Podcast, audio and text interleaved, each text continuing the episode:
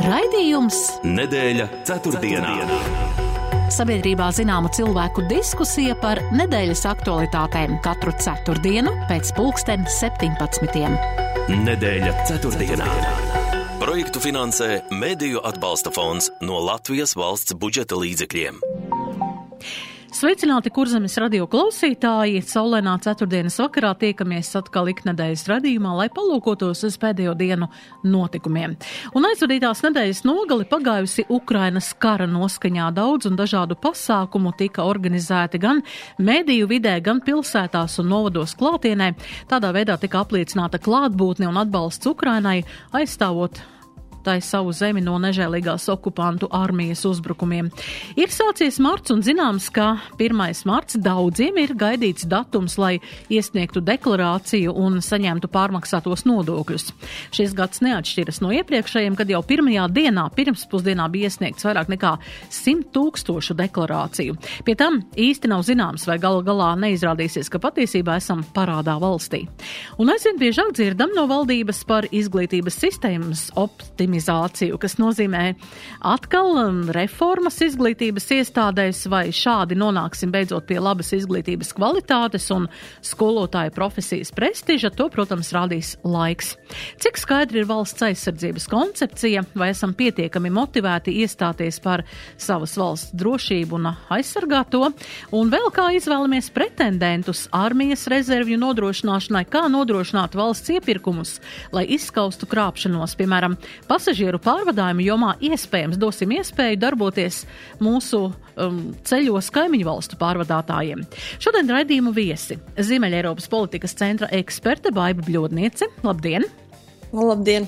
Un mums, mēs gaidām arī pieslē, pieslēdzamies Latvijas pašvaldības savienības padomniece izglītības un kultūras jautājumos Ināru Dunduri, bet šobrīd mums kāda tehniska ķibelīta laikam neļauj savienoties, un tāpēc pagaidīsim, ceru, ka būs viss pieslēgums veiksmīgi. Jā, Baiba, varbūt ievad jautājums, sākot raidījumu, ko vēsta Latvijas sabiedrība, jo daudziem, daudziem, kā izrādās 1. marta agrā rīta veicamo darbu sarakstā, ir aizpildīt ienākumu deklarāciju. Ko mēs varam spriest no tā, kā jums šķiet? Nu, es domāju, ka tas uh, liecina par vairākām lietām. No vienas puses, tas liecina, ka cilvēki daudz atbildīgāk plāno savas finanses. Nu, viņi rēķinās arī ar šo, kā ar, ar naudu, ko viņi var saņemt atpakaļ no valsts. Nu, es domāju, ka diez vai tie ir daudz, bet es domāju, ka ir arī daudz tādu, kas uh, iesniedz šo korekciju, apzinoties, ka iespējams, ka viņi uh, kā pašnodarbinātie vai kā savādāk ir kaut kādu uh, naudu vēl par pagājušā gada nodokļiem nesamaksājuši, un tāpēc, lai pēc iespējas ātrāk ar to norēķinātos.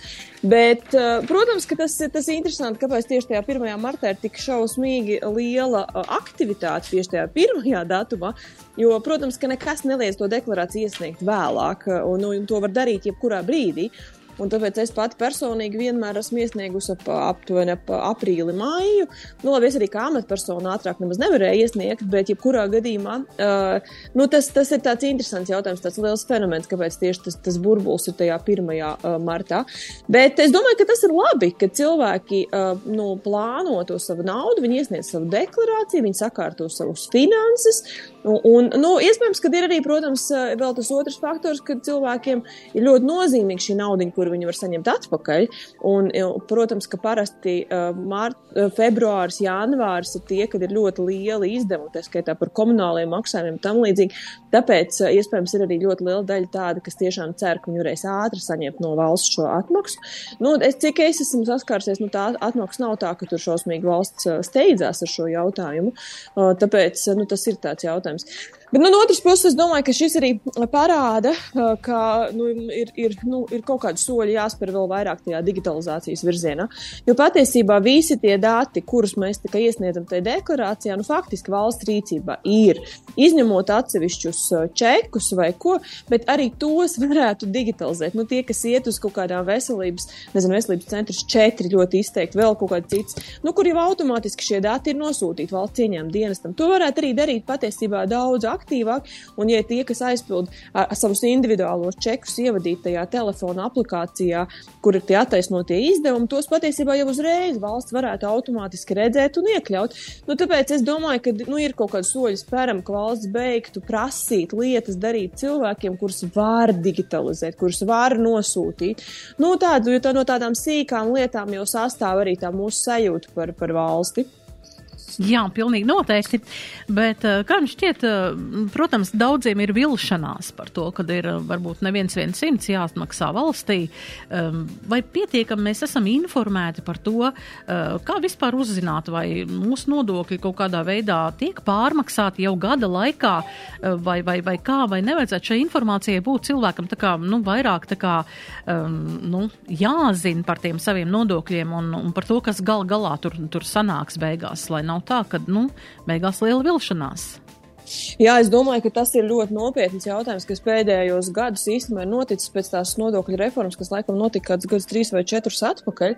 Nu, es domāju, ka neviens cilvēks normāli nevar izsakot līdz tam, cik un ko viņš vai nu ir parādā, vai viņam pienākās. Nu, es katru reizi, kad uh, aizpildu to savu deklarāciju ikgadēju, tad uh, savadot visus tos datus, un tu nospied, kā, nu, kas ir tas aprēķins, kas ir vidrīcība, un tu nekādi nespēji saprast to ciparu. Nu, viņš var, nu, tu nesaproti, kā viņš veidojas. Tev nav ne jausmas. Un tad ir tā, ka tu spied to un gaidi, vai būs pluss vai mīnus. Un, un, un paredzēt tu īstenībā to normāli, nu, ja tu neesi tur, teiksim, grāmatvedis vai, vai finansists, kurš tieši ar to nodarbojas, nu, es domāju, ka normāli cilvēki to nevar izdarīt. Un, un tas, tas, protams, ir, es domāju, ka ļoti, ļoti slikti. Tas, tas nu, neļauj cilvēkiem arī tādu nu, drošības sajūtu, nerada vispār, un arī caurspīdību un atklātību, jo šiem visiem būtu patiesībā jābūt ļoti vienkāršiem, ļoti pārskatāmie, lai katru savu santīmu zinātu, cik man ir valstī vai nu jāmaksā, vai cik valstī es varētu prasīt atpakaļ. Patiesībā jau man pat nebūtu jāprasa atpakaļ, valstī būtu tas automātiski jāatmaksā. Nu, es arī uzskatu, ka ir lietas, kuras nav obligāti cilvēkam jāprasa, nu, ka viņam pienāks un pienāks, un valsts to vienkārši izdara. Tas tāds, nu, būtu tāds apusējs cieņas jautājums, kur nu, valsts nāk cilvēku, nu, uz cilvēku kā, soli cilvēku virzienā, un tad nu, vienlaicīgi tad var sagaidīt līdzīgu attieksmi no cilvēkiem. Bet ne, izsakot, manuprāt, nav iespējams. Nu, vismaz es tiešām to nespēju, un es saprotu visus tos, kas ar šausmām taisa vaļā EDS un domā, kas īsti tur tagad būs. Jā, nu, kā nu tas ir, tā nu tas šobrīd ir, bet katrā ziņā es esmu ievērojis arī, ka ik gadu iesniedzot deklarāciju tomēr un tomēr šī pati sistēma, EDS sistēma, tā kā man liekas, ka ir tāda operatīvāka un tā labāk strādā. Vismaz to es esmu pamanījusi, nu vēl tikai vajadzētu to uh, salāgot, ar, lai, lai cilvēkam nebūtu šī gala vilšanās un pietiekoši liela. Un tas, protams, neveicina tādu uzticēšanos ierēģiem un uzticēšanos visām šīm te uh, iestādēm. Jā, ja runām, runājam par šo uzticēšanos, tad um, par cik mums otra viešņa vēl nav pieslēgusies, un tur būs vairāk tā kā par izglītības jomu jautājumi, tad tomēr parunāsim varbūt par šo, jo mēs um, jau, nu, jāsaka, vairāku nedēļu garumā tā sastopamies ar dažādiem, nu, tādiem interesantiem um, notikumiem, uh, kas saistās ar dažādiem iepirkumiem. Tas pats ir par šo te Latvijas pārtiku, pārtiks uh, šo uzņēmumu federācijas aicinājumu apturēt uh, šo armijas pārtiks iepirkumu kā neatbilstoši izvirzītiem mērķiem. Un uh, patiesībā šo materiālu skatoties arī televīzijā par šo konkrētu konkrēti pārtiks iepirkumu par šo nodrošinājumu. Um, interesanti, ka liels uzņēmums bija atteicies no šī, jo konkursa šī, viss šis iepirkuma nolikums bija neizdevīgs, ja gadījumā kaut ko neizpildam tajā, bet tai pašā laikā uzvar neliels uzņēmums, un um, tagad federācija ir tā kā lūgus apturēt šo līdz brīdim, uh, kad uh, būs izstrādāts ar pārtiks nozari saskaņots jauns iepirkums. Ko jūs šajā visā, nu, patiesībā klausoties no malas cilvēkam, liekas, nu, pilnīgi kaut kas nesaprotams. Ko jūs varat secināt no šī te, kā mēs veidojam iepirkums? Tā pašā laikā arī, nu, dažus mēnešus atpakaļ izrādījās kartelis šajā pasažieru pārvadājumos. Kas iepirkumos mums pietrūkst vai, vai kas, kas notiek tajā? Kā jums šķiet? Nu, saistībā ar to, ar to iepirkumu sistēmu, protams, es domāju, ka ir tāds ļoti, nu, es teiktu, saudabīgs situācija. Protams, attiecībā uz aizsardzību ir, ir vienmēr tāda mazliet specifika, iespējams, ka ne konkrēti šajā gadījumā, Bet kopumā, protams, ka attiecībā uz aizsardzību, ne tikai Latvijā, bet arī citās valstīs, tur vienmēr ir tā robeža trausla, cik daudz nu, zināt, ko katra konkrētā valsts iepērk, jo tas arī nu, vienlaicīgi var radīt arī kaut kādu uh, lieku informāciju uh, teiksim, tā, mūsu uh, potenciālo uh, ienaidnieku pusē. Uh, bet, uh, protams, ka ir kaut kāds ļoti veselīgs līdzsvars šajā jārod. Jo skaidrs, ka uh, šajā gadījumā attiecībā uz šo pārtikas iepirkumu, es nezinu, ko. Es tiešām man nav ne jausmas attiecībā uz to konkrēto iepirkumu, ne, nekas tur, kāpēc izvēlējās kurs, ne kāpēc izvēlējās to konkrēto uzvarētāju, ne kāpēc tā lietuviešu kompānija atteicās. Starp citu, par to es īpaši nebēdājos. Tas, ka lietuviešu kompānija nepiedalās mūsu armijas iepirkumā, man tā kā nav, ne, nevarētu teikt, ka šausmīgi žēl zinot, kā Lietuvā mūsu uzņēmējs moci, jebkuros iepirkumos. Tas man tādu īpašu uh, sāpju nerada. Bet, protams, ka tā problēma teik, ir jāskaidro. Ir visi jāskaidro, un pēc iespējas publiskākas tās lietas, kas ir jāva, ir, viņas ir jāskaidro attiecībā uz patiesībā pilnīgi visiem iepirkumiem. Ir absolūtai skaidrībai un caurspīdīgumam jābūt. Un, un tas šajā gadījumā īsti nav. Aizvien notiek, es saprotu, tā ministrijas pārbaude. Un šajā laikā tad visi, eh, nu, visu kaut ko saka tā vietā, lai eh, tās lietas, kuras varētu publicēt, eh, nu, publiskotu viņus, lai tad katrs redz un patiešām skaidrotu, kāpēc izvēlējās tos, kas piedalījās iepirkumā, kāpēc izvēlējās to kā atbilstošāko pretendentu. Jo šobrīd viss ir tikai tāda minēšana, katrs kaut ko nebūtu ieraug un tad izdara kaut kādus pieņēmumus, kur varbūt nemaz nav patiesi. Bet es saku, šajā gadījumā es par to konkrēto neko nevaru komentēt, jo es patiešām nezinu, man nav bijis vispār nekā nekāds sakars ar to iepirkumu, ne vispār iepirkumiem aizsardzībā. Tāpēc es, es šo neko tur vairāk kā vien teorētiski spriest par to īsti nevaru. Uh, Tas, kas savukārt attiecas uz kopumā iepirkumiem, nu, tā iepirkuma problēma, es domāju, ir tajā, ka viņā ir ļoti eh, smagnēja tā iepirkuma sistēma. Eh, jo patiesībā par katru lietu, pat mazāko taisot iepirkumu vai lielāko, nav svarīgi dokumentu daudzums patiesībā neatšķirās. Nu, un kas arī, protams, ir tā mazliet komiski, nu, ja vien tie nav pavisam kaut kādi mazie iepirkumi. Mēs savulaik būvniecības nozarē zinu, ka mēs diskutējām par tēmu, ka vajadzētu sadalīt uzņēmumus atbilstoši lielumam un atbilstoši spējām lai attiecīgi šos uh, iepirkums jau taisītu no nu, starp tiem uzņēmumiem, kas ir reāli spējīgi to izdarīt. Nu, piemēram, lielu būvniecības projektu nu, nevar realizēt mazs, uh, mazs uzņēmums, kuram ir viņš ir tikai iespējams būvējis privātmēs, un tas nav iespējams. Uh, un pat ja viņš to varētu, tur, pastāv, tur ir ļoti augsti riski, ka kavēs termiņus, būs slikta kvalitāte un tam līdzīgi. Un līdz ar to viņam ir jāļauj, protams, pakāpeniski izaugt līdz lielam. Skaidrs, sistēma ir jābūt tādai, lai jebkurš uzņēmums varētu izaugt liels. Bet vienlaicīgi, lai šādus lielus iepirkumus mēs organizētu starp tiem, nu, kas to var pacelt. Nu, es domāju, ka tas līdzīgi būtu kaut kā tomēr jāorganizē arī citās jomās un citās lietās, jo, jo tas arī noņemtu tādas lielas uh, šaubas. Uh, un nu, skaidrs, ka caur, caur valsts iepirkumiem nu, nav mazam uzņēmumam jāielec un jākļūst milzīgam. Tas arī fakts ir. Viņam ir jāiz izaug pakāpeniski tirgū, lai arī viņš varētu viņa kvalitāti tikt līdzi viņa uh, apgrozījumam. Bet, uh, bet uh, attiecībā uz valsts sektoru tur noteikti svarīgākais ir publiskums. Svarīgākais ir publiskums, svarīgākais ir skaidrošana, tā tīri cilvēcīga, vienkārša skaidrošana. Jo nu, es domāju, ka tā ir tā lielā, lielākais klupšanas akmens, ka mēs pārāk maz un vienkārši sarunājamies ar cilvēkiem. Skatījos, nu patās bija raidījums TV24, kur runāja par mūsu tiesas spriedumiem. Es domāju, ka tas ir ļoti līdzīgs uh, jautājums, kur salīdzināja mūsu tiesas spriedumus, uh, vai arī vēstules īstenībā no iestādēm, uh, ar, ar Eiropas cilvēktiesību tiesas spriedumiem. Un Eiropas cilvēktiesību tiesas spriedums, viņš tur ir uz deviņām tur lapas pusēm, jebkurš izlasa un saprot gan, ko tā tiesa saka, gan ko viņa iesaka, gan kas vispār par jautājumu būtību ir. Tad savukārt mūsu tiesas spriedums nu, tiešām ir jābūt juristam, lai viņu izlasītu. Un nevienmēr jurists var izlasīt pirmo reizi un saprast, kas īsti ir domāts. Es kā jurists jau par pilnīgi noteikti pateiktu, ka lasot spriedumu, tev ir desmit reizes jāpārlasa tieši, kas ir domāts, vai tu saproti pareizi, kas ir, nu, un, un, un, un tam līdzīgi. Un es sevišķi attiecībā uz motivējošo daļu un tādu. Tā kā, tā kā es domāju, ka tā sarunāšanās, cilvēcīga, vienkārša sarunāšanās ar cilvēkiem, skaidrošana, nu, tā ir liela atslēga. Nu, nevis tur super gudrā ierēņu valodā, bet tiešām tīri cilvēcīgi izstāstot, kas tas ir. Un iespējams, ka tas ir vissarežģītākais, bet nu, tas ir tas, kas rāda arī tādu gan sapratni, ka tu saproti, ko tev saka, un tu arī uzticies līdz ar to, ka tev nemēģini ar gudriem vārdiem aiz, aiz, aizrunāt kaut ko, lai tu tikai nu, nesaprastu īsti, kas tev ir pateikts. Jā, e, runājot par šo pārtiks iepirkumu un par šo armijas nodrošinājumu, tas ir viens jautājums, bet otrs jā, par šo te, e, kas bija autotransporta direkcijas šis te um, iepirkums par pasažieru pārvadājumiem reģionos un rezultāts tam, ka konkurences padomi ir atklājuši šo karteli un, un, un, un tagad autotransporta direkcija tā kā aicina um, tātad uz abpusējas vienošanās pamata laust šos līgumus, bet rezultāts patiesībā varētu būt tāds, ka Latvijas pasažieru pārvadājumos ienāktu kāds spēlētājs no Igaunijas vai Lietuvas.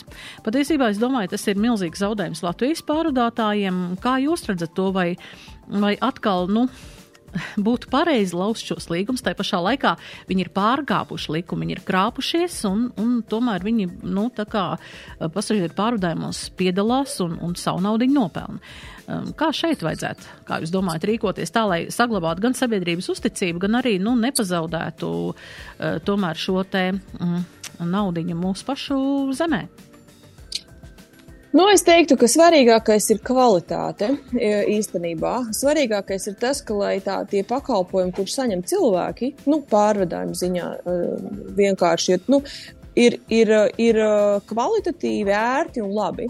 Un valsts pienākums ir nodrošināt, sevišķi valsts šos iepirkumus organizē un tam līdzīgi, ir nodrošināt kvalitāti. Uh, Man liekas, ka vienmēr ātrākais liekas, uzaicināsim kādu no malas. Es gan neesmu arī pret to, jo tāpēc, ka ja vietēji mēs netiekam galā un nav kvalitāte, nu tad acīm redzam ir jāaicina kāds no malas, lai tas iespējams, ka arī celtu vietējo tādu nu, tādu mobilitāti, tādu sa savākšanos un gribēšanu nodrošināt kvalitāti.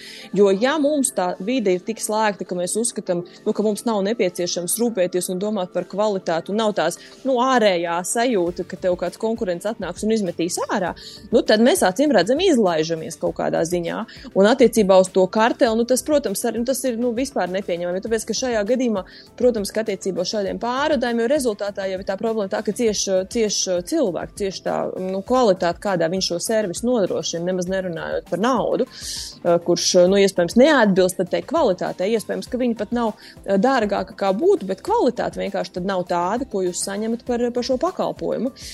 Un, un tas, man liekas, ir, ir līdz ar to tāds liels valsts atbildības jautājums, ka tas ne tikai izsludināt iepirkumu un uzslēgt līgumu, nu tad vediet, bet mums vienmēr ir pieklibojis tas, kādā veidā mēs gudri kontrolējam kvalitāti procesā līguma.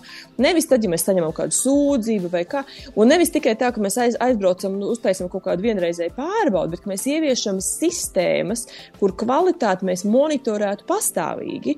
Un tas attiecībā ir uz visiem, gan attiecībā uz, uz pārvadājumiem, gan attiecībā, nezinu, skolās, uz ēdināšanas pakalpojumiem. Ka ne, nav obligāti tikai tas, ka tur, nezinu, pārtiks veterinārais dienas vai vēl kāds aiziet pārbaudi un tad kaut ko konstatē. Ir jābūt pastāvīgi pastāvīgām sistēmām, kur valsts tādiem nopietniem pakalpojumiem Mēs varam monitorēt viņus, sekot viņiem līdzi, lai nav tāds, nu, tad uh, pēkšņi kaut kas nokļūst dienas kārtībā, tad mēs par to visu runājam, pēc, pēc pāris mēnešiem visiem tas apnīk, nu, tad mēs metamies pie citas tēmas. Uh, Valsts kvalitātes monitorings tas būtu ļoti svarīgs jautājums pakalpojumiem, kas būtu jāievieš, bet es saku, caur digitāliem rīkiem nav visur vajadzīgs cilvēki, administratīvais resurs, aparāti vēl. Nē, tāpēc ir digitālā laikmetā jāizmanto digitālie rīki, jo tos mēs īstenībā neprotam gudri izmantot. Citās valstīs šīm kvalitātes lietām spēja daudz efektīvāk sekot līdzi arī šiem, caur, šīm, caur šīm IT sistēmām, kuras, nu jā, mums tur būtu augt un augt, lai, lai arī lai arī vien, no vienas puses tie ierēģi, kas vai uzraugi, varētu arī izmantojot šos digitālos rīkus, būt pietiekami gudri, ka viņi spētu arī no digitāliem rīkiem izlasīt šīs lietas, no tās problēmas ieraudzīt un, tā, un tad ar, par tām runāt. Un, un tur nevienmēr ir jautājums par sodu. Tas nav vienmēr tā, ka jums tāpēc ir jāaiziet sodīt. Tas iespējams liecina par to, ka ir vajadzīgs kaut kādas mazliet izmaiņas, mazliet vēl kaut kādas lietas. Jo nu, mums jau ir tikai nu, līgums, paraksts, sots, vēl nu, tādas, tādas radikālas metodas, bet nevis, ka, ka mēs iesaistītos pašā procesā pastāvīgi. Jā, nu, gan Liepājas autobusu parks, gan arī pārvadātājs Nordek un arī Latvijas sabiedriskais autobus norāda, ka viņi nevēlētos lauzt šos līgumus un piedāvā arī Nordeka um, nu, lemj, nu, domā par to, ka vajadzētu pārsūdzēt uh, tiesā šo te konkurences padomas lēmumu un vērsties arī Eiropas komisijā. Ko tas savukārt liecinās par Latvijas kā, likumdošanu un par Latvijas konkurences padomas lēmumiem, tas atkal ir jautājums, vai ne? Nē, tas neliecina neko. Tas apstrīdēt tiesā jebkuras valsts iestādes lēmumu ir katra individa svētas tiesības. Un tas vien, ka tas tiek darīts, nenozīmē, ka tas ir kaut kas slikts vai nepareizs. Un arī es teiktu, būtu pat veselīgi attiecībā uz konkurences padomus lēmumiem. Nu, gan mums ir diezgan liela, es nu, vismaz vēsturiski, kad skatījos to statistiku, uh, es domāju, ka tur būtu ļoti nopietni jādomā un jā, jāanalizē konkurences padomus lēmumu, jo, piemēram, citās valstīs Uh, ja konkurences padomus lēmumi tiek uh, citās valstīs ap, ap, uh, ap 40, 30%, 50% citās valstīs atcelti. Uh, Latvijā šie konkurences padomus lēmumi, kas tiek atcelti, ir tikai kaut kādi pāris procenti. Ja nemaldos, bija 95% lēmumu, kas netiek, kas tiek atstāti tādi paši. Un tas patiesībā nav labs signāls. Tas nozīmē, ka uh, nu, ne jau citās valstīs konkurences padomus ir muļķākas, nu, jo mēs automātiski varētu teikt, nu, mūsu konkurences padomu vienkārši redz kādu kvalitatīvu, tur nav ko atcelt, tur viss. Nē, es domāju, ka mums ir jautājums par to, cik mēs spējam kvalitatīvi uh, tiesās izvērtēt uh, konkurences padomus lēmumus. Nu, tas, ir, tas ir otrs jautājums. Jo tas vien, ka konkurences padomus lēmumu netiek atcelt, patiesībā ir slikts signāls. Nu, tādā ziņā, tik nu, respektīvi, procentuāli, es domāju, ne tā, ka viens vai otrs konkrēts lēmums, nē, bet procentuāli, ja tas ir, nu, tas, tas jūs, nu, taču izklausās no malas dīvaini. Nu, nevar būt 95% tādi lēmumi. Es tagad, nu, tie procenti var būt tur minimāli mainīgi. Es neatceros, var, nezinu tos precīzos tos, bet es zinu, ka augstākā tiesa pirms pāris gadiem bija taisījuši tos apkopojumus par konkurences padomus lēmumiem. Un, un, un līdz ar to tas ir slikti. Jo tāpēc, ka tajā brīdī tas nozīmē, ka uh, indivīds nejūtas, ka viņam būtu kaut kāda instance, neatkarīga, kura spēja paskatīties uz tiem lēmumiem, kvalitatīvi viņus izvērtēt un aizstāvēt arī viņas kā, viņa kā individu tiesības. Tāpēc es domāju, arī šie uzņēmumi automātiski jau min to Eiropas tiesu, tāpēc, ka viņi zina, ka konkurences, konkurences tiesību lēmumos mūsu tiesas diezgan vāji spēj šos lēmumus pārskatīt pēc būtības. Jā, bet vai tas arī neliecina kaut ko par mūsu tiesu sistēmu? Es domāju, ka tas liecina. Es domāju, ka tas liecina ne, ne, ne gluži par tiesu sistēmu. Es domāju, ka tas ir konkurences tiesības vispār ir ļoti sarežģītas, pēc būtības ļoti sarežģītas. Un, un tur ir ļoti daudz tādu uh, faktoru, kas ir iesaistīti. Visādi, nu, milzums daudz. Uh, un, uh, un, uh, bet es domāju, ka jā, tas liecina par to, ka attiecīgi konkrētos jautājumos, domāju, tas bija arī viens no augstākās tiesas secinājumiem, ka konkurences tiesībās ir jāstiprina tiesu kapacitāte. Iespējams, ka arī citās, bet ja reiz mēs nu, runājam tieši par konkurences tiesībām, tad nu, nevar katrs tiesnesis zināt vis, visu, un, un tas nav arī pareizi. Es domāju, ka jā, tur ir jautājums par kvalifikāciju, kad ir vajadzīgs eh, vēl būtiski paaugstināt eh, to tiesnešu kvalifikāciju. Un, un eh, nu, tā, kad, kad tomēr, lai viņi spētu arī un nebaidītos kaut kādos brīžos, iet arī kaut kādos mirkļos teikt, nu, nē. Jo, nu, protams, ka tajā brīdī, kad ja, ja ir izskanējis šāds konkurences padoms lēmums, nu, tagad, piemēram, šajos pārvadājumu lietā, nu, katram jau ir viedoklis, ka viņi ir vainīgi, vai ne? Un tad, protams, tas tiesnesis, kā sabiedrisks būt pret viņu, jau arī ir ļoti liels spiediens uz to tiesnesi. Nu, kā viņš tagad atcels, kā nebija kartels, kā nebija pietiekami pierādījumi. Nu, piemēram, uh, un, un līdz ar to es atvainojos. Tas ir tāds sarežģīts tāds jautājums. Mm -hmm.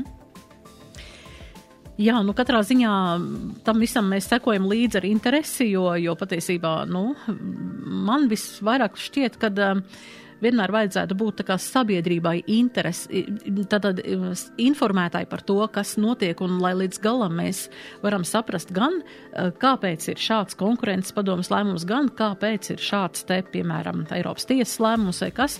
Man šķiet, ka sabiedrība pārāk maz tiek informēta no gala līdz galam, un līdz ar to arī rodās tādi vairāk jautājumi, kāpēc ir tā, kāpēc mēs atkal tur parādāmies, kāpēc atkal valsts zaudē kaut kādas, kaut kādas lietas Eiropas tiesai, un mums atkal jāmaksā ir kaut kādas naudas projām par to, ka mēs paši nevarējam um, nonākt pie uh, sprieduma, kas bija uh, kāds ir tas um, iztiesāts Eiropas tiesā. Man šķiet, ka sabiedrība bieži vien nav īsti līdz galam informēta par šādām svarīgām, nopietnām, sarežģītām lietām. Mēs jau atkal atgriežamies pie tā, ar ko mēs sākām šo sarunu. Ka spēja sarunāties cilvēcīgā, vienkāršā valodā mm. ir ļoti svarīga. Konkurences padomē es pilnīgi piekrītu. Būtu nevis vienkārši jāpasaka, mēs tur konstatējām, uzlikām sodus, ot, nu, tā kā visi tur sagaida, vot asinis, re, kur jums ir asinis, nu tad tur priecājieties, re, kur mēs esam uzrēķinājuši tur miljonus un ko. Ja, īstenībā jau viņa neskaidro, tas ir fakts. Ļoti maz skaidro. Nu, ne, ne vismaz mm. arī kā viņi tos secinājumus ir izdarījuši, ne kas tur ir bijis. Un otrs ir, piemēram, arī uh, konkurences padome. Nu, viņiem arī, protams, ir ļoti tāds represīvs tas pieejams. Viņiem ir tikai versija, nu, atzi, atzīt vainu, pateikt, ka es sadarbojos, un tad ir iespēja atbrīvot no soda. Nu, vai arī tad ir tie lielie sodi, kas ir atkarīgi no apgrozījuma uzņēmuma. Kas īstenībā, es zinu, ka citās valstīs šādas nav. Eh, jo viņu vērtē atbilstoši uzņēmumu, arī spēja to eh, sodu samaksāt, arī atbilstoši uzņēmumu izdzīvošanas spējai. Nevis ir tikai uzņēmums sots, kas ir kā, kā nāves spriedums, kas nozīmē, nu, ka viņš nespēja fiziski vairs eksistēt. Iespējams, ir brīži, kad tiem sodiem tādiem ir jābūt, bet kopumā, protams, ka tas vienmēr ir jautājums par to samērīgumu. Un arī mūsu sistēmas ir ļoti cietas. Mums ir vainīgs, nevainīgs. Ja sots, tad tur 10% no pagājušā gada apgrozījuma un viena alga vai tev tur, nu kas ir. Un tam līdzīgi. Mums ir diezgan daudz lietās eh, šādas pieejas. Un kas, manuprāt, nu, neveicina arī tādu, nu, tādu kā teikt, nu, ir vienkārši valstī, nu, tu izrēķini savu sodu, uzliec un, un, un viss tā kā vai vidam, nezinu, nodokļu parādos vai vēl kaut kādos uzrēķinos. Bet, bet rezultātā jau no tā nekāds pienesums uh, īsti uh, nav. Uh, tāpēc, nu, nu, kā teikt, es domāju, ka tas jautājums par skaidrošanu ir primārais. Nu, skaid, vi, visos gadījumos. Tiesas gan pēdējā laikā cenšas skaidrot, bet arī, mēs, tā kā mēs runājam, tas pašā sākumā, skaidrot tā, lai saprot, skaidrot tā, lai izprot to būtību vienkārši cilvēcīgi, ir tas, kas pietrūkst. Un tas pietrūkst tā skaitā tiesām, bet es saku, tiesas ir iespējams tie, kur viņi ir tik daudz par šo, teiksim tā, dabūjuši nosodījumu sabiedrības, ka viņi patiešām cenšas. Nu, vienalga, tur kā kurā gadījumā sanāk, nav būtiski, bet es teiktu, ka tiesas cenšas skaidrot. Tas, kas attiecas uz lielajām tādām represīvajām valsts iestādēm, kāda ir arī konkurences padoma, nu, tur gan, es domāju, ir ļoti vāji ar to skaidrošanu. Tur ir tā, mēs tā secinājām, mēs tā, mēs tā nolēmām, nepiekrītiet, ejiet uz tiesu. Nu, nu, nu, tā, nu, tāds vājš, un pārējai sabiedrībai tiek atmests tikai uh, vainīgs, sots, miljoni. Nu, tas ir nu, īsais tāds trīs punkti, es domāju, kas tur aizņem tur piecas minūtes viņu preses konferencēs izstāstīt, kas īsti ir noticis. Jā, nu, var sakot, lauciņš ir ko vēl apstrādāt un darīt daudz skaidrāk gan sabiedrībai, gan arī, eh, gan arī dalībniekiem, nu, kas ir zem konkurences padomes palielināmā stikla. Jā, žēl, ka mums nav otrā raidījuma viešņa, jo mm, mums te arī ir šis te jautājums par um, par izglītības jomu. Konkrēti, jā, tad, tad mēs atkal daudz un daudz dzirdam par to, par šo izglītības jomas sakārtošanu, un, un konkrēti tas, protams, atkal ir sabalansēšanas grafiks, darba slodzes un, un viss pārējais, bet arī par ko vairāk uztraucās īpaši gan pedagogi, gan vecāki reģionos, tas ir skolu reforma, kas turpināsies, kā tas būs. Tā kā dzirdam no ministrijas, ka nu, šī sakārtošana nebūs tā, ka varētu slēgt kādas izglītības iestādes, tas tā kā nav paredzēts, bet tai pašā laikā tomēr reorganizēs šo skolu tīklu, kā tas notiks. Kā jums varbūt no malas šo te visu klausoties un, un, un dzirdot, um, kāds jums ir priekšstats par to, kas šobrīd notiek izglītības sistēmā, kur ir tas klupšanas akmens, kāpēc skolotāja mm, profesijas prestižs joprojām uh, netiek pacelts līdz zināmam, zināmai latiņai, tāpat arī šis te atalgojuma jautājums vienmēr spēkā un plus vēl, protams, protams arī šis te skolu tīkls, par ko mēs dzirdam no ministra prezidenta, ka joprojām tiek pārmests gan veselības jomā, gan izglītības jomā sakārtot sistēmu. Ko ar to mums saprast? Nu, labi, ministra prezidents šobrīd to šīs frāzes lieto, tāpēc, lai nebūtu jāpild solījumi attiecībā par finansējumu piešķiršanu. Es domāju, ka tas ir tāds, nu, turklāt vājš tas iemesls, jo, nu, tas skaidrs, ka šobrīd pasakot, mēs nevaram mest nesakārtotā sistēmā un tam līdzīgi. Nu, šī, šīs ir frāzes, kas lietotas tiek gadiem, nu, kas īstenībā jau uh, nav arī uh, labi un neko labi arī par ministra prezidentu neliecina, jo tas nozīmē, ka, nu, tad arī, nu, pieķeraties arī sistēmai. Nevis tikai budžeta sastādīšanā pasakiet, nav naudas, bet es arī sagaidīt no ministra prezidenta aktīvāku rīcību arī tieši konkrēto jautājumu risināšanā.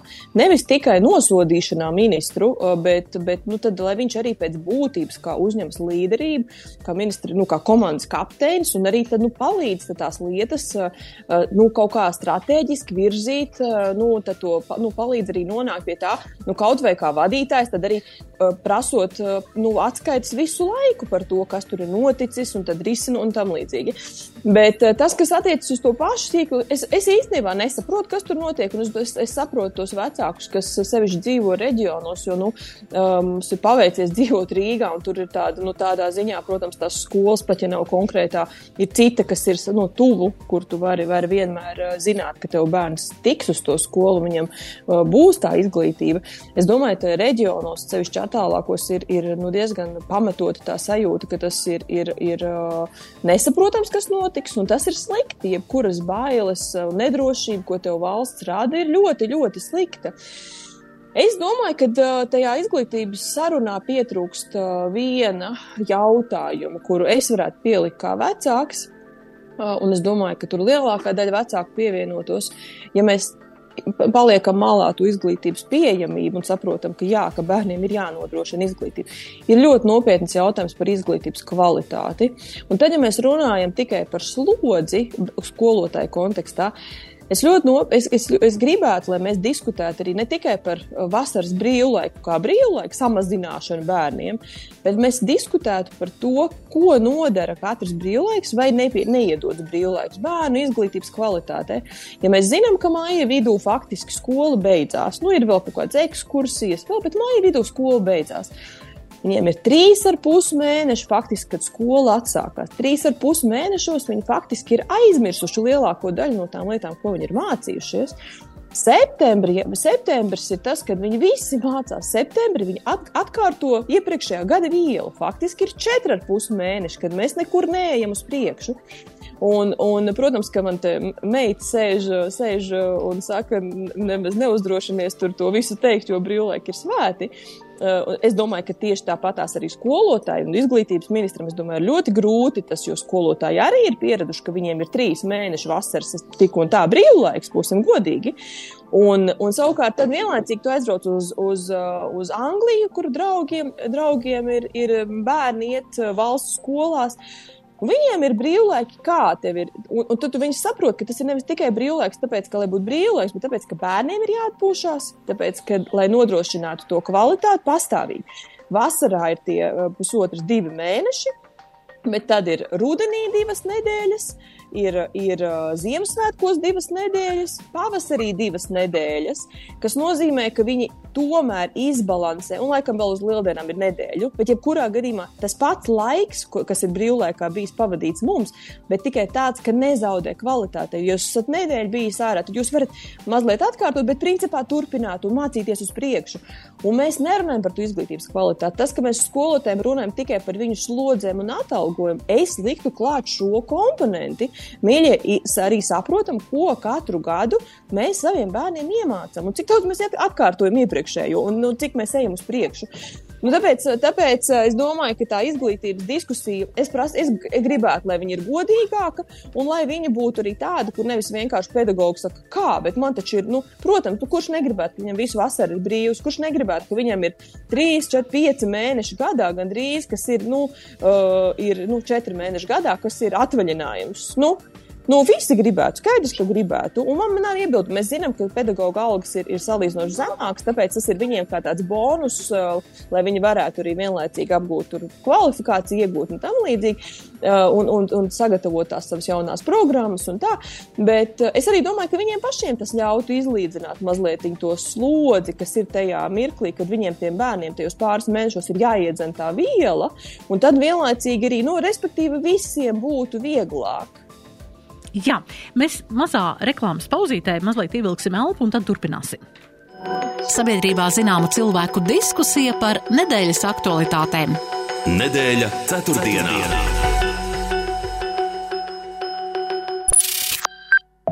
Īsa pamācība, kā atbalstīt ļaunuma impēriju. Atrodi lētākās briketes, neiedziļinies, no kurienes tās nāk. Jo mazāk zināsi, jo labāk. Un atceries, neuzdod liekus jautājumus par to, kam aiziet tava nauda. Pirms pērts briketes, granulas vai kamīnmalku, pārbaudi to izcelsmes valsti. Izvēlies Latvijā ražotus produktus Pata koku materiālu veikalos. Uzzini vairāk Pata Timber LV. Nedēļa ceturtdienā. ceturtdienā.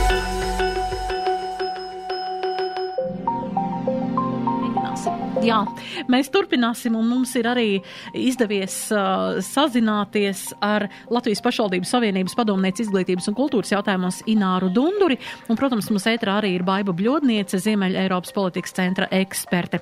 Jā, Ināra, mēs runājam tieši par izglītību, par izglītības sistēmu, par šo skolu reformu, un um, ar Baibu, nezinu, vai jūs dzirdējāt mūsu sarunu, bet ar Baibu nu pat runājam, jā, par šo uh, milzīgo brīvlaiku, garo brīvlaiku gan bērniem, gan arī skolotājiem, kas absolūti varbūt tā nenotiek citās valstīs. Un kad mēs trīs mēnešu laikā esam pazaudējuši to pavadienu, ar ko ir varbūt mācību gads beidzies, un lai turpinātu, ir atkal jāatka, jāatkārto iepriekšējā mācību gada tā kā viela, lai varētu turpināt tālāk, un kā šos brīvlaiks izlīdzināt gada laikā, mācību gada laikā. To mēs pārunājām, bet man pie jums ir jautājums šāds, ko nozīmē šī skolu reforma, zinot, ka ir apsolīts, ka skolas tā kā slēgtas netiks, bet tomēr reformas notiks, un, un tas ir ar mērķi, lai varētu lai varētu tad gan nodrošināt skolotājiem labāku algu un labākus darba apstākļus, gan arī uh, skolēniem šo te um, izglītības kvalitāti. Kā jūs skaidrot šo, kas šobrīd, uh, kas šobrīd notiek, un kā pašvaldības savienības varbūt arī šai pārstāvēja par to, uh, ko tas pašvaldībām prasīs? Uh, jā, skolu reforma šobrīd ir visos mēdījos. Un bieži vien par skolas reformu, skolu tīkla optimizāciju mēs runājam kā, kā par nenotikušu. Nepārtraukti sakam, ka pedagogiem atalgojumu var paaugstināt tikai tad, ja notiks šo skolu tālāka optimizācija un slēgšana. Bet es gribu vērst uzmanību ka šis jautājums vienmēr ir bijis katras pašvaldības pārziņām. Pašvaldības kā skolas dibinātājs reāli vislabāk redz, kāda ir situācija novadā, kā kursē autobusi, kāds ir ceļu stāvoklis, kādas ir maisaimniecības, plāno un savu arī izglītības stratēģiju, kur būt kādām skolām, kur valsts gimnāzijām, vidusskolām, pamatskolām. Un tieši šodien es arī tā tīri paskatījos statistiku. Ja mēs paskatāmies uh, desmit gadu laikā, mums ir slēgtas ne tikai mainīta pakāpe vai, uh, vai arī reorganizācija, bet tieši slēgtas pāri pa 400 skolām. Tas nozīmē, tas tā, tā ziņa, kas tiek arī, es gribētu teikt, arī no valdības puses, no izglītības zinātnes ministrijas puses, ir, ka, ka, ka vēl vairāk vajag. uh, un it kā izglītības kvalitātes vārdā. Mhm. Bet, ja mēs tā pāanalizējam un paskatāmies, tad, uh, ja runājam par izglītību, tad izglītībā ir vēl tāds, uh, nu, tāds uzdevums. Tā ir audzināšana, tā ir iekļaujoša izglītība. Un nevaram mēs radīt situāciju, ka it kā bērnam nodrošinot kvalitatīvu izglītību, viņš uz skolu brauc uh, veselu maršrutu, vienas līdz pat divām stundām, mājās vēl divas stundas. Mēs runājam par uh, dažādiem posmiem, mēs runājam par pamatskolām, kurām jābūt ir maksimāli tuvu dzīves vietām. Savukārt vidusskolām jau pakāpeniski ņemot vērā, ka mēs pārējām arī uh, uz šo te kompetenci, proti tā tad ir optimālais līmenis, padziļinātais līmenis, izvēļņu grozi, dažādi priekšmeti. Tur tas ir saprotams, ka mēs nosakam skolas lielumu un tātad centralizēto eksāmenu rādītājs kā kvalitātes.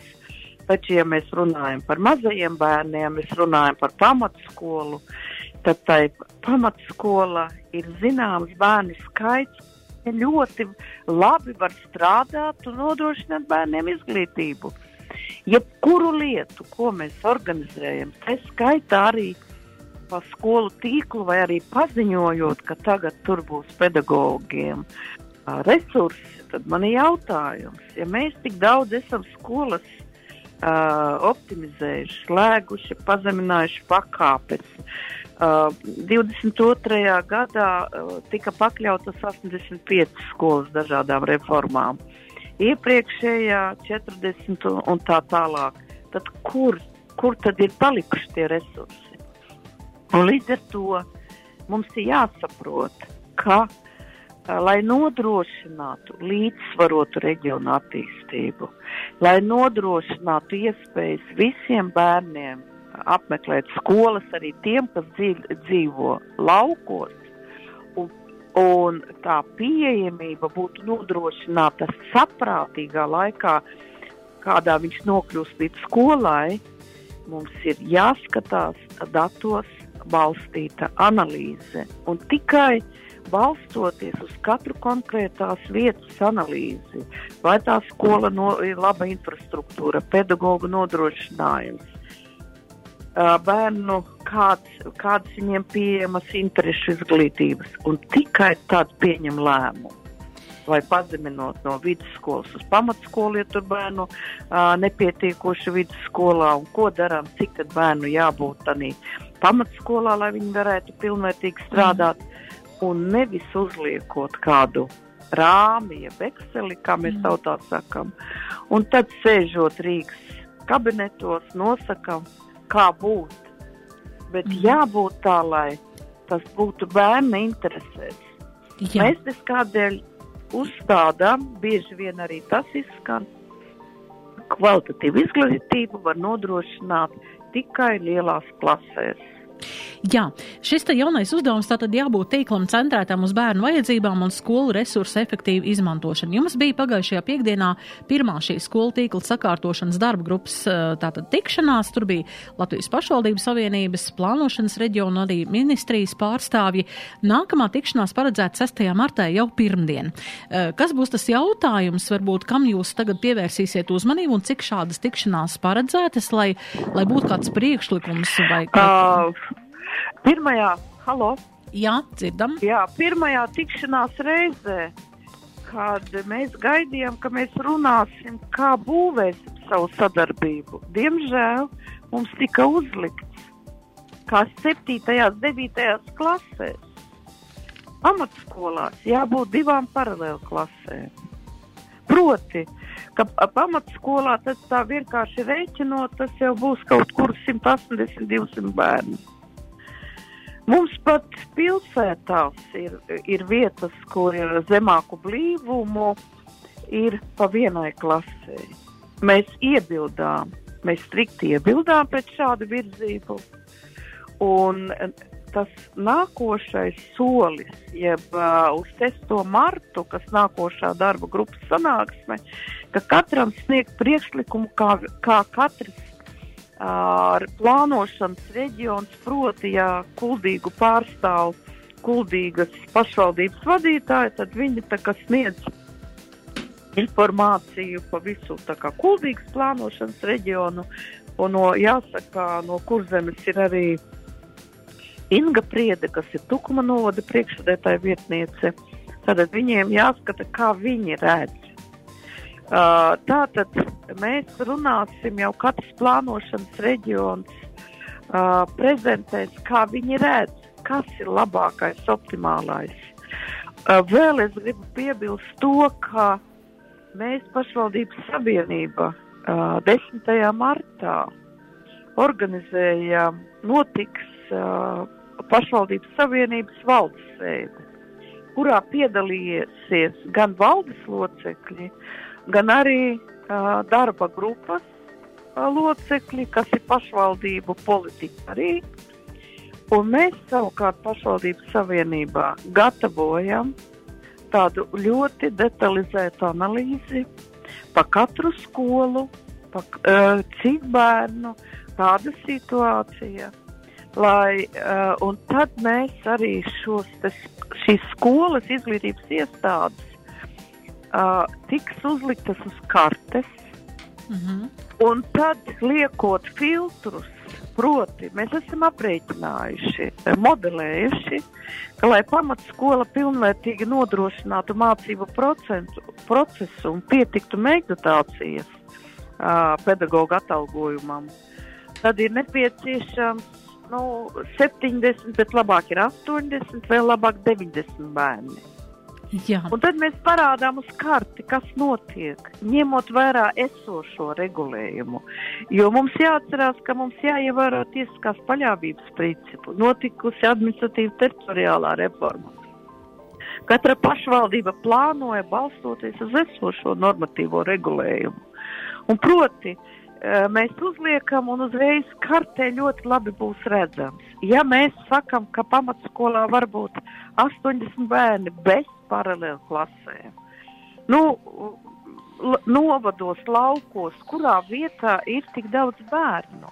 Ir tikai novadu centros mēs varam runāt par paralēlu klasēm. jā paldies Tāda jums. situācija. Jā. Tālāk mēs uzliekam 90. Jā, Un tad mēs uzliekam šos ministrijas piedāvātos 180. Mums Jā. būs viss uh, karte, uh, visu novadu teritorijas, ārpus centriem, baltas. Tur nebūs skolu. Līdz ar to tādā veidā mēs, uh, jo visvieglāk vizualizēt ir ar karti, jā, parādot uz kartes, kā tas izskatīsies, un tad virzīt sarunu jau reāli, uh, cik tad ir uh, labākais risinājums un cipars. Jo vēl ir viens būtiska lieta, ka skolu tīkls nav tikai izglītības zinātnes ministrijas uh, kompetence.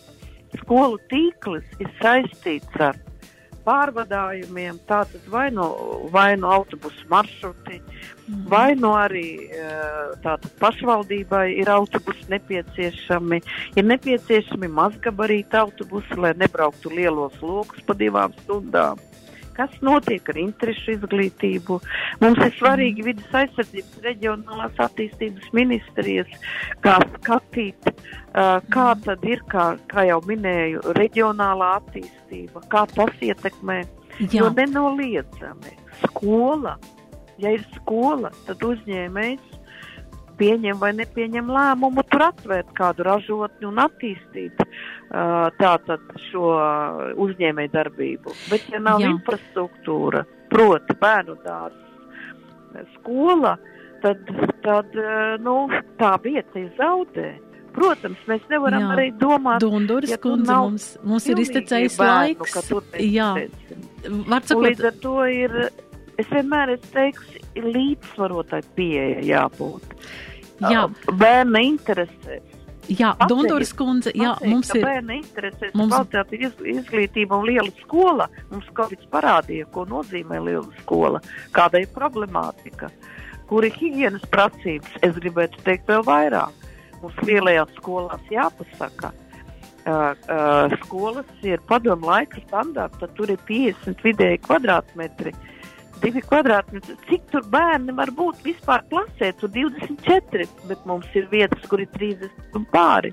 Jā, Dunduras kundze, jā, mums ir beidzies. Beidzies Ja, laiks, jā. mēs nevaram vairāk runāt, turpināt šo. Mēs varētu kādā citā raidījumā atkal satikties un par šo runāt vairāk.